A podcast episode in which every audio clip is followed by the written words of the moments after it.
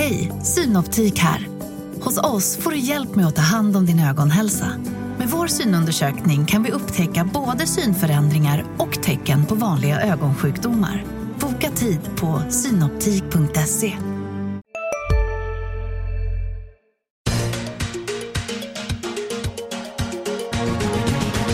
Hej och välkommen till Makrorådet i dessa minst sagt stökiga tider. Eh, jag heter Viktor Munkhammar. Med mig idag har jag Anna Öster, investeringschef på Länsförsäkringar och Olof Manner, seniorrådgivare på Swedbank.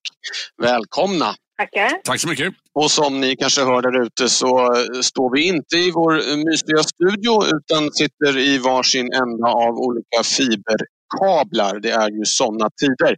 Eh, eh, och som sagt, det har hänt eh, otroligt mycket. Vi skulle kunna sitta och prata i fem timmar här. Det ska vi inte göra. Vi ska försöka hålla oss till någon typ av ordning. Och första punkten på den listan är att säga att det är torsdag lunch den 26 mars när vi spelar in det här. Det händer ju saker i princip en gång i timmen av rejäl eh, magnitud så det kan vara bra att veta. Det är där vi står. Eh, och eh, om vi ändå som sagt ska försöka ha lite struktur här så tänkte jag att vi skulle börja Anna med att prata om de väldigt många åtgärder som har vidtagits. Eh, bara att räkna upp dem tar väl en timme men om man ska sätta något slags samlat betyg på det som centralbanker och finansministrar har eh, eh, kommit med hittills, vad säger du då? Ja, men betyget får väl vara mycket väl godkänt ändå. Hastigheten som de här åtgärderna har kommit med har varit väldigt snabb. Eh, också kreativiteten tycker jag i bredden på åtgärder. Eh, sen finns det några detaljer tycker jag man kanske skulle kunna fundera på men då måste man lite välja land. Men, men när jag tänker på de här olika åtgärderna så tänker jag liksom att de kommer i olika faser vilket känns helt naturligt. Att det första är att man måste få, marknaden hade det ju väldigt tufft här om vi blickar tillbaka till förra, förra veckan till exempel. Eh, svårt på företagskreditmarknaden och så vidare. Det var svårt att få den att fungera överhuvudtaget egentligen. Och då måste ju fokus först vara på att få den igång. För att det är ju liksom avgörande för att allting annat, alla andra stimulansåtgärder sen ska kunna funka. Eh, så först är det att få marknaden att fungera och sen är ju nästa steg att hjälpa livskraftiga företag att övervintra den här sättningen eh, som kommer bli djup, men frågan är hur, hur lång då. Och sen när man liksom kan se någon ljus i tunneln så är det ju breda efterfrågestimulanser som kommer krävas för att liksom komma tillbaka igen. Eh, och olika länder ligger väl lite olika i de här delarna tycker jag. Men, men man kan se fokus på de här första eh, två åtgärderna då. Att få marknaden att fungera och få företagen att övervintra. Eh, och, och, det tycker jag är helt rimligt. De breda efterfrågestimulanserna kan man möjligen vänta lite med men de kommer att behöva komma. Så därmed sagt att bra det som kommit, men det kommer behöva komma mer. Ja, just det. Olof, vad ger du för betyg? Vi ska gå in lite på detaljer sen, men det, det breda betyget? Nej, men det, där håller jag med Anna. Jag tycker det breda betyget är bra. Eh, därmed inte sagt att det inte kan göras mer. Eh, man märker också så att säga att eh, eh, centralbanker generellt då, som har tränat på det här eh, lite, eh, lite oftare och där erfarenheten av det här naturligtvis är större. De har också agerat snabbast. Eh, de tog väl upp en, en eh, muntlig stridsövning från 2008 och så körde de på en gång till eh, och tryckte på ännu mer den här gången. Eh, politikerna är ju ofta så att säga eh, de har ju olika, eh, de har inte lika stadig bemanning. De byts ut lite oftare och eh, det var väl förväntat att det skulle ta lite längre tid eh, av det skälet och det har det också gjort. Eh, jag tror det återstår en hel del. Ännu så länge har man ju skjutit eh, kostnader på framtiden för många företag. Eh, och inom tjänstesektorn så det som är mest allvarligt är väl egentligen att de de har ju inga intäkter. Eh, vilket gör att, att kostnaderna eh, är skjutna på framtiden. De får låna, så skulderna kanske kommer att vara större i framtiden. Eh, men mycket av den konsumtion som de har gått miste om får de ju faktiskt inte tillbaka. Det är inte så att man eh, har ännu mer semester eh, och reser dubbelt så mycket. Eh, det är inte så att man ersätter uteblivna restaurangbesök med att äta dubbelt så mycket när man kommer ur och så vidare. och så vidare. Eh, och om de eh, redan införda åtgärderna räcker till för de här bolagen och företagen, det återstår att se. Ja. ja, vi tänkte det med centralbanker som du nämnde. Det är ju ett antal eh, tabun eller vad man ska säga som har farit all världens väg här. ECB exempelvis tar bort den här issue limit som har begränsat hur stor del av ett enskilt lands skuld som kan köpas. Det innebär att de i, ja, i teorin kan köpa upp hela Italiens statsskuld. Eh, I USA har centralbanken lite via omvägar men ändå eh, eh gjort det möjligt att köpa företagsobligationer, något som man länge har sagt att det går inte. Och här i Sverige så har ju eh, Riksbanken sagt att de ska köpa allt i princip. Eh, företagsobligationer men även bostadsobligationer. Eh, bostadsmarknaden då som de har varnat för att den är överbelånad i, i, i tio år. Eh, man kan ju se det här på två sätt. Dels att centralbankerna gör verkligen allt de kan men det kan också vara lite skrämmande att de ser sig tvungna då att bryta mot eh, regler och principer som har gällt eh, väldigt länge. Eh, Olof, hur ser du på, på, på det? Ja, för det första så är det ju så att den här krisen då, eh, eh den skiljer sig ju lite från de andra kriserna som åtminstone jag har eh, handlat mig igenom och de är en del, eller de är flera. Eh, flera. Eh, de flesta andra kriser har ju varit så att säga finanskriser från start. Eh, det här är ju en makroekonomisk kris som man försöker att förhindra att den så att säga, utvecklar sig till en renodlad finanskris. Eh, de makroekonomiska konsekvenserna av det här, de kommer vi ju få leva med under lång tid framöver. Eh, medan finanskriserna, de har så att säga haft ett eh, många gånger snabbare, eh, en snabbare återgång till det normala. Och, och, och, det gör ju att, att säga, eh, den här krisen, den är ju så att säga, eh, den är av en annan karaktär. Och Det gör också att man så att säga, eh, man kan inte gå tillbaka och titta på tidigare kriser och förvänta sig att samma åtgärder kommer att liksom räcka till den här gången. Um, från centralbankernas sida så har man ju, eh, och det ser det ut som man delvis har lyckats med, eh, eh och, och, och få en finansiell eh, kris att säga att eh, kvävas i sin linda. Eh, tittar man på börser så har ju de, eh, volatiliteten är kvar men riktningen är numera sidledes även om kasten upp och ner är hyfsat stora. Eh, statsobligationsmarknaden har lugnat ner sig. Där det fortfarande är oroligt är i kreditmarknaden där spreadarna ligger kvar på väldigt höga nivåer.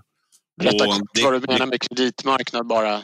Ja, det är ju allt. Eh, kreditmarknad är ju eh, företagsobligationsmarknaden där de olika ratingnivåerna, då investment grade som man kallar det, triple B och, och, och lägre ner i kredittrappan, de, de ligger i olika lager beroende på vilken rating och kreditrisk man upplever att de har.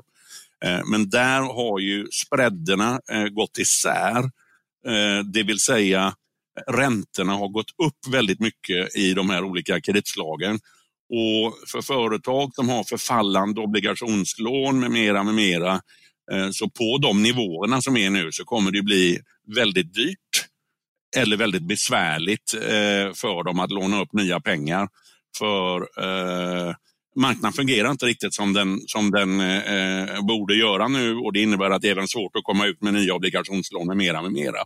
Ja. Och här återstår nog en del åtgärder, eh, tror jag. Eh, eh, det är viktigt att få kreditmarknaden att normaliseras. Ja. Anna, delar du bilden att, att, eh, i alla fall som det ser ut hittills, att centralbankernas väldigt stora eh, insatser har lyckats sätta stopp för, ett, för en finansiell kris? Ja, alltså så som det ser ut just nu så är jag mindre oroad den här veckan än förra veckan. Eh, det är ju väldigt svårt att liksom överblicka den här krisen och vilka omgångar det kommer att komma. Men jag skulle nog nästan vilja nu ändå gå över till att man är mer oroad för de små företagen som liksom inte är en del av den här marknaden överhuvudtaget. Och att det är där man behöver liksom ha fokus nu. Om vi liksom ska ta Sverige-fokus och titta på paket som kommer här och så vidare, då inte bara centralbankspolitik utan finanspolitik så tycker jag att än så länge, det är ett oerhört fokus på den här frågan. Det, det måste man ju säga. Det, det pratas väldigt mycket om det men jag tycker fortfarande att paketen är i väldigt stor utsträckning inne på det som också Olof började med. Att det, det är liksom mycket lån. Det är inte så mycket direkta stöd. Och det här är ju liksom för många små företag är, är ju en direkt kollaps i efterfrågan och inga intäkter. Och de kan inte bara ta på sig större lån som de ska hantera längre fram utan de måste få hjälp att liksom övervintra här och nu och inte bara få en sämre situation när vi väl är ur det här. Så det tycker jag att liksom fokuset behöver skifta över lite till även om det liksom finns många oroshärdar att fundera på samtidigt. Ja, alltså gå in och täcka upp för den efterfrågan som plötsligt för, har försvunnit mer eller mindre över natten. Ja, det måste bli... Det, jag inser att det är inte så himla lätt. För det här är ju lite nytt med den här krisen. Att det är en annan typ av företag som liksom drabbas väldigt snabbt och väldigt hårt. Och av eh, skäl som de inte själva liksom har varit en del av utan att, att eh, olika samhällen säger att ni får inte göra det här och det här och det här vilket gör att deras efterfrågan totalt försvinner bort. Eh, och då ser inte jag som den stora lösningen att man ska ge dem olika typer av lån. Utan de måste få direkta stöd.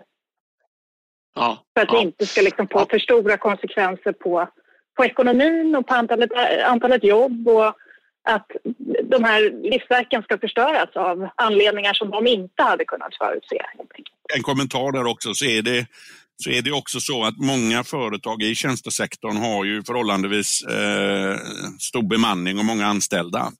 Och, och, Vi ser hur arbetslösheten ökar dramatiskt i de sektorerna och så vidare. Och, och eh, det kan ju då accelerera om, eh, om man inte gör någonting. För jag, jag, håller verkligen med Anna om att det är de små och medelstora företagen, och då framförallt i tjänstesektorn, som riskerar att slås ut. Ja, eh, vi ska eh, delvis byta ämne. Nu har vi pratat om det som har gjorts. Eh, det ska, vi ska skruva upp svårighetsgraden lite grann här och eh, försöka blicka framåt eh, vad som ska hända. Och det blir ju med nödvändighet gissningar. Men jag tänkte vi ska prata om vad man kan tänka sig om relationen eller vad, hur, hur, hur centralbanker kommer att vara framöver. Men om vi får börja med en, en, en framåt framåtblickande. Hur, hur, djupt, hur djupt blir raset i, i eh, e-, ekonomin? Om vi talar i ja, det vanliga vi brukar prata om. Vi brukar prata om tillväxt. Nu det är väl hur stor, hur stor krympning det blir snarare. Eh, Anna, vågar du dig på att komma med någon sån gissning, bedömning, prognos, kalla det vad du vill? Ja, gissning är väl det bästa att säga i det här läget. Men, och jag har ingen, ingen siffra att komma med. Jag tror att vi redan är i en global recession. Vi har alltså negativ tillväxt globalt. Eh, jag tror att vi kommer att ha det i ett par kvartal. Exakt vad liksom slutsiffran landar på för det här året är ju en ren gissningslek och kanske inte min komparativa fördel att uttala mig om en exakt siffra. Jag tror att om man ska ha ett marknadsperspektiv så tror jag att det kanske är mindre relevant. Vi behöver ha ett, liksom mer av det här, en förståelse för smittspridningen och hur länge den här nedstängningen kommer att pågå för att kunna avgöra om företagen kommer kunna övervintra och vi därmed kan komma tillbaka till en ungefär likadan ekonomi som vi hade innan. För då tror jag, ser man det, då kan marknaden springa ganska mycket före. Men själva siffran på BNP-fall tror jag kommer bli någonting vi i stort sett aldrig har sett tidigare. Det, det, här går väldigt fort, mycket snabbare än vad vi har sett i andra tillfällen och det kommer bli djupt. Eh, min ja. optimistiska ådra blir däremot att vi kan ta oss tillbaka också ganska snabbt om vi ser att ja. den här smittspridningen liksom klingar av.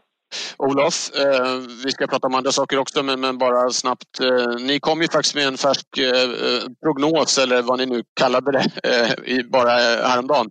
Eh, hur, ser ni, hur, hur, hur är er bedömning? Jo, men den prognosen som makroanalysen på Swedbank tog fram Eh, den bygger ju då på att de här åtgärderna, de eh, stora inskränkningarna i utegångar och, och alltihopa, att de eh, ska pågå eh, i några veckor snarare än några månader. Det är så att säga ett antagande vi har gjort. Hej, Ulf Kristersson här. På många sätt är det en mörk tid vi lever i. Men nu tar vi ett stort steg för att göra Sverige till en tryggare och säkrare plats. Sverige är nu medlem i Nato. En för alla, alla för en. Vi är specialister på det vi gör, precis som du. Därför försäkrar vi på Swedea bara småföretag, som ditt. För oss är små företag alltid större än stora och vår företagsförsäkring anpassar sig helt efter firmans förutsättningar. Gå in på swedea.se företag och jämför själv.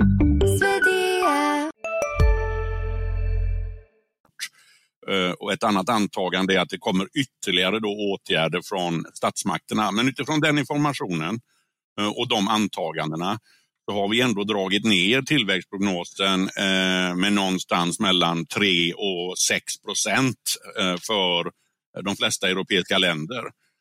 Svensk tillväxt som vi då trodde skulle hamna någonstans runt 1,5 procent för 2020. Där är nu prognosen under de här antagandena att det kommer ut eh, på minus 4 procent. Eh, för Norge är neddragningen ännu lite större, minus 6 procent. Det är en regelrätt recession och det beror ju på att eh, vi har haft en, en motsvarande enorma prisfall på, på olja.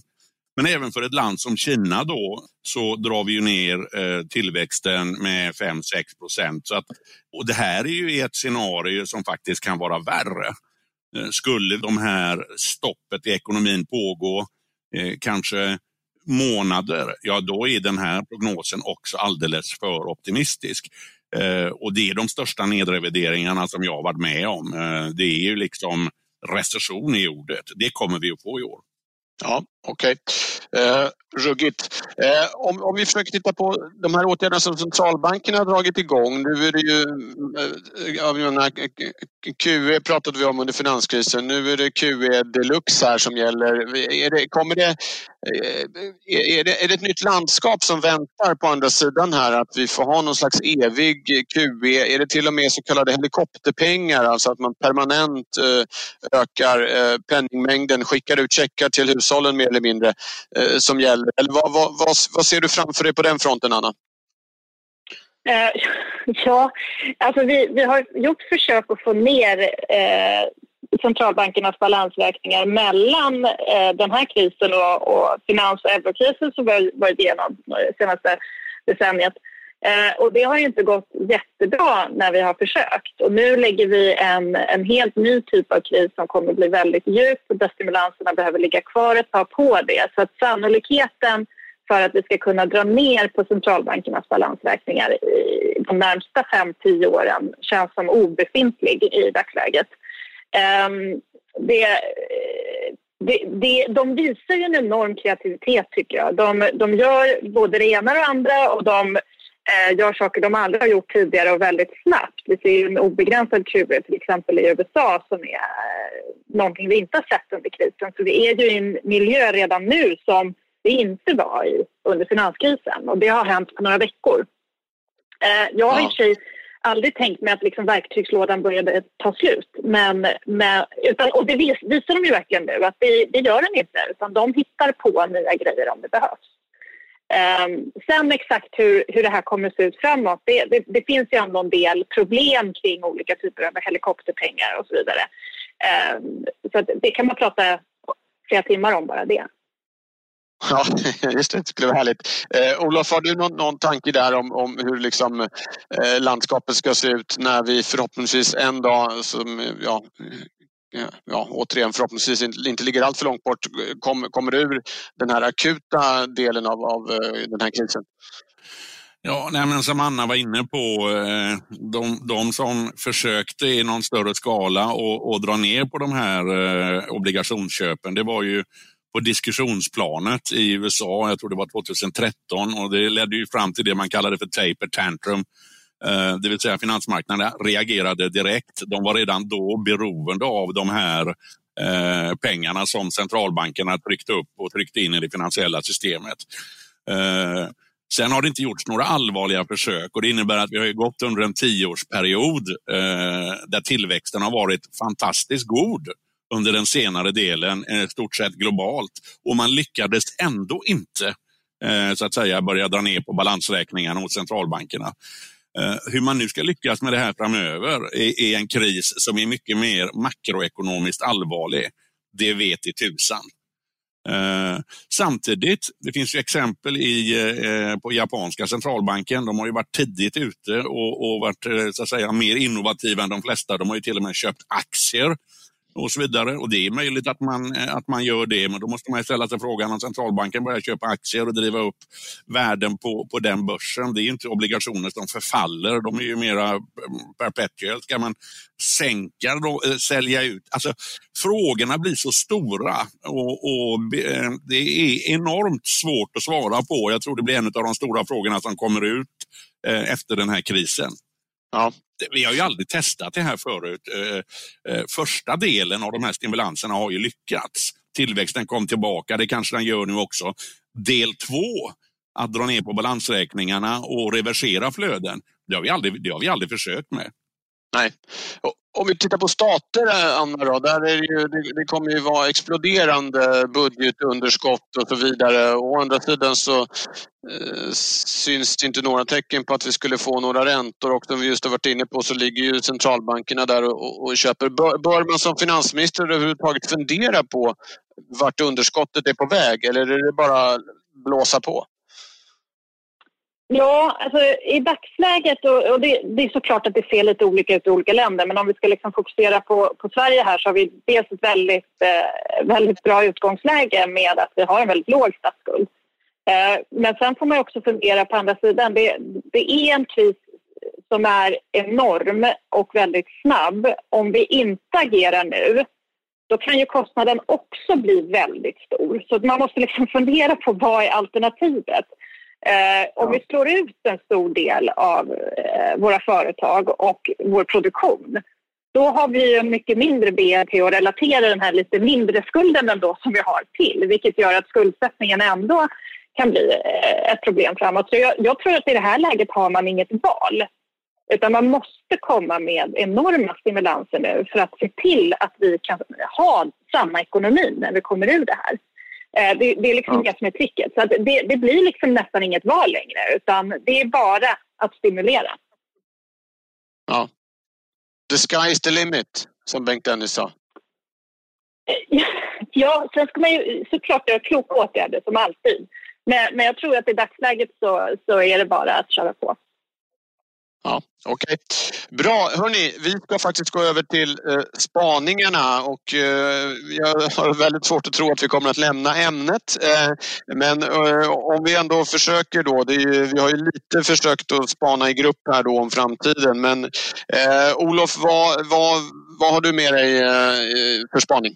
Nej, men, min spaning är ju att eh, eh, när man läser Eh, Eh, bevakningen om eh, smittspridningen och alla virologer och hälsoexperter och läkare och alltihopa. Så, eh, under radarn kan man ju eh, så, så kommer det ju fram att eh, det är antagligen eh, väldigt många fler som är smittade än vad man vet om.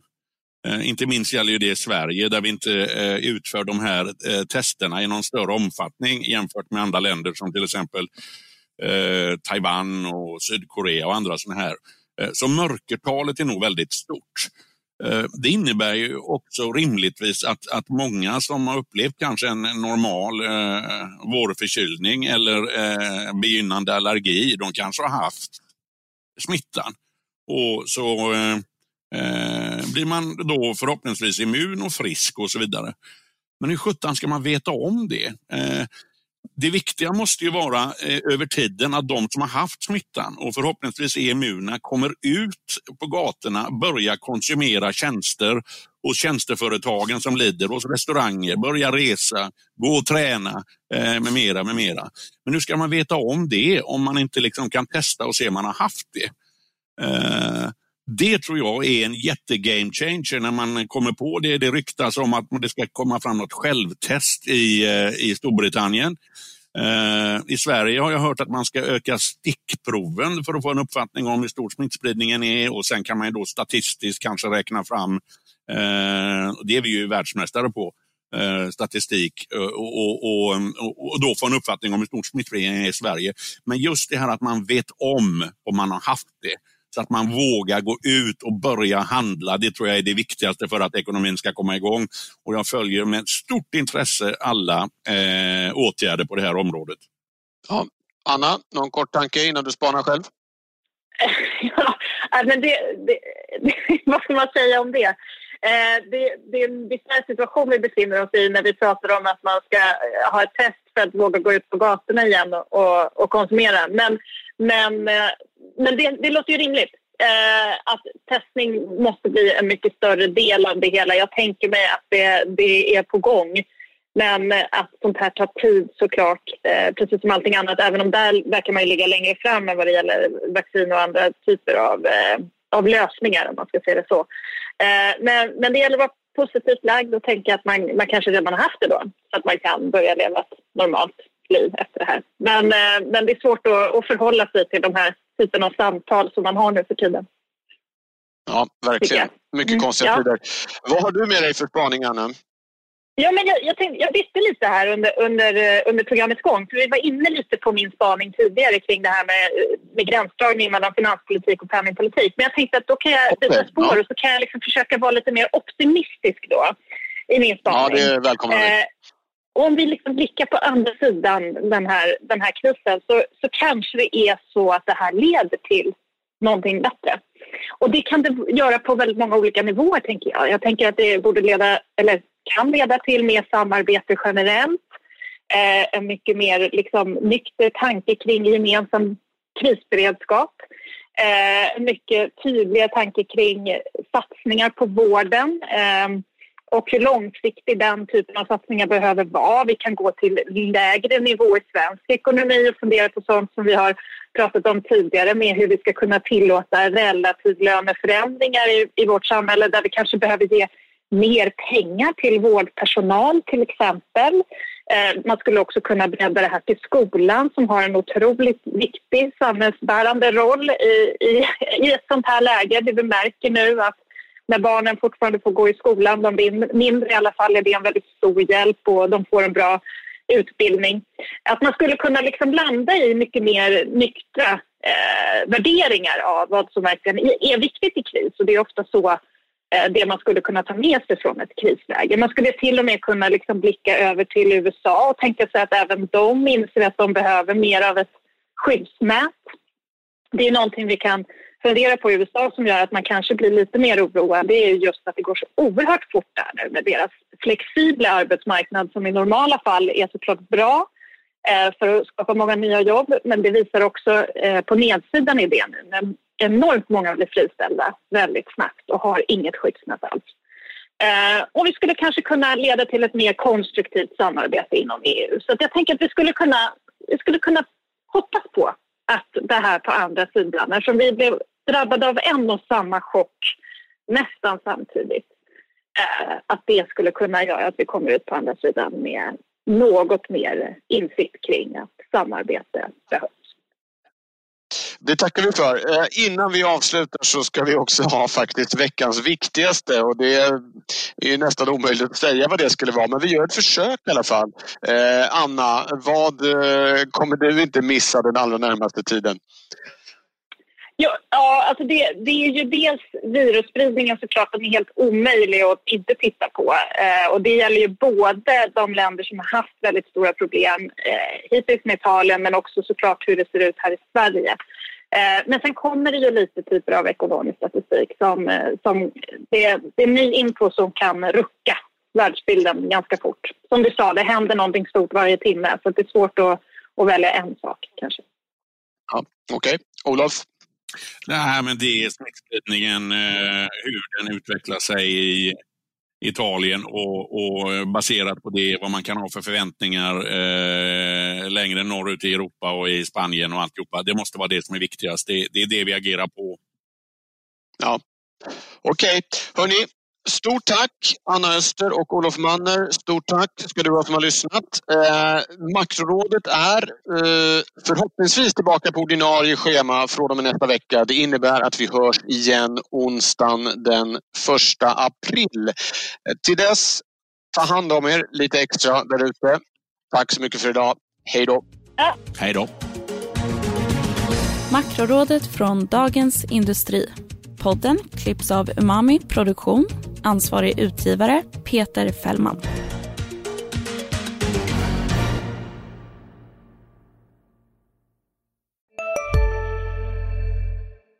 Hej, Susanne Axel här. När du gör som jag och listar dig på en av Krys vårdcentraler får du en fast läkarkontakt som kan din sjukdomshistoria. Du får träffa erfarna specialister, tillgång till lättakuten och så kan du chatta med vårdpersonalen. Så gör ditt viktigaste val idag, lista dig hos Kry. Välkommen till Maccafé på utvalda McDonalds restauranger med Baristakaffe till rimligt pris. Vad sägs om en latte eller cappuccino för bara 35 kronor? Alltid gjorda av våra utbildade baristor.